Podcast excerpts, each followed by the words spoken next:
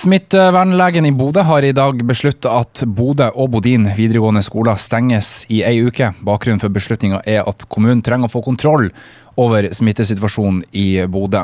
Fylkesdirektør for utdanning og kompetanse, Nina Ellingsen Høiskar, hva kan du si om dette? Ja, så Dette betyr jo at vi skal gå over på full digital undervisning for, i prinsippet for alle elever. Men uh, det er noen unntak her. Og uh, Det gjelder bl.a. de sårbare elevene som fortsatt skal ha undervisning på uh, skolen. Og også i praktiske fag, uh, f.eks. labøvelser eller annen nødvendig opplæring på verksted, sånn, vil vi fortsatt kunne gjennomføre på skolen fysisk. Hvor lenge varer dette tiltaket? Ja, Kommunen har nå bestemt at dette er ei uke, og det starter fra og med i morgen.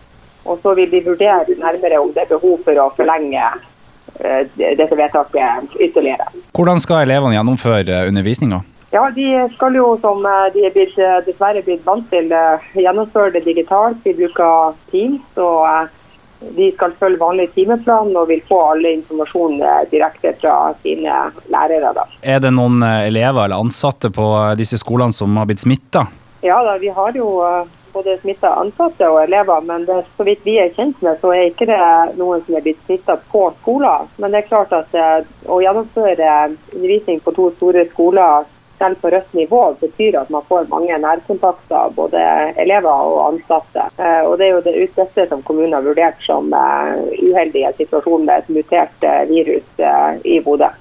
Kan du si noe om, om andre skoler, sånn som barne- og ungdomsskoler? Vil det være nødvendig å stenge de òg etter hvert, eller? Ja, så Det er kommunen sjøl som har ansvaret for de kommunale skolene.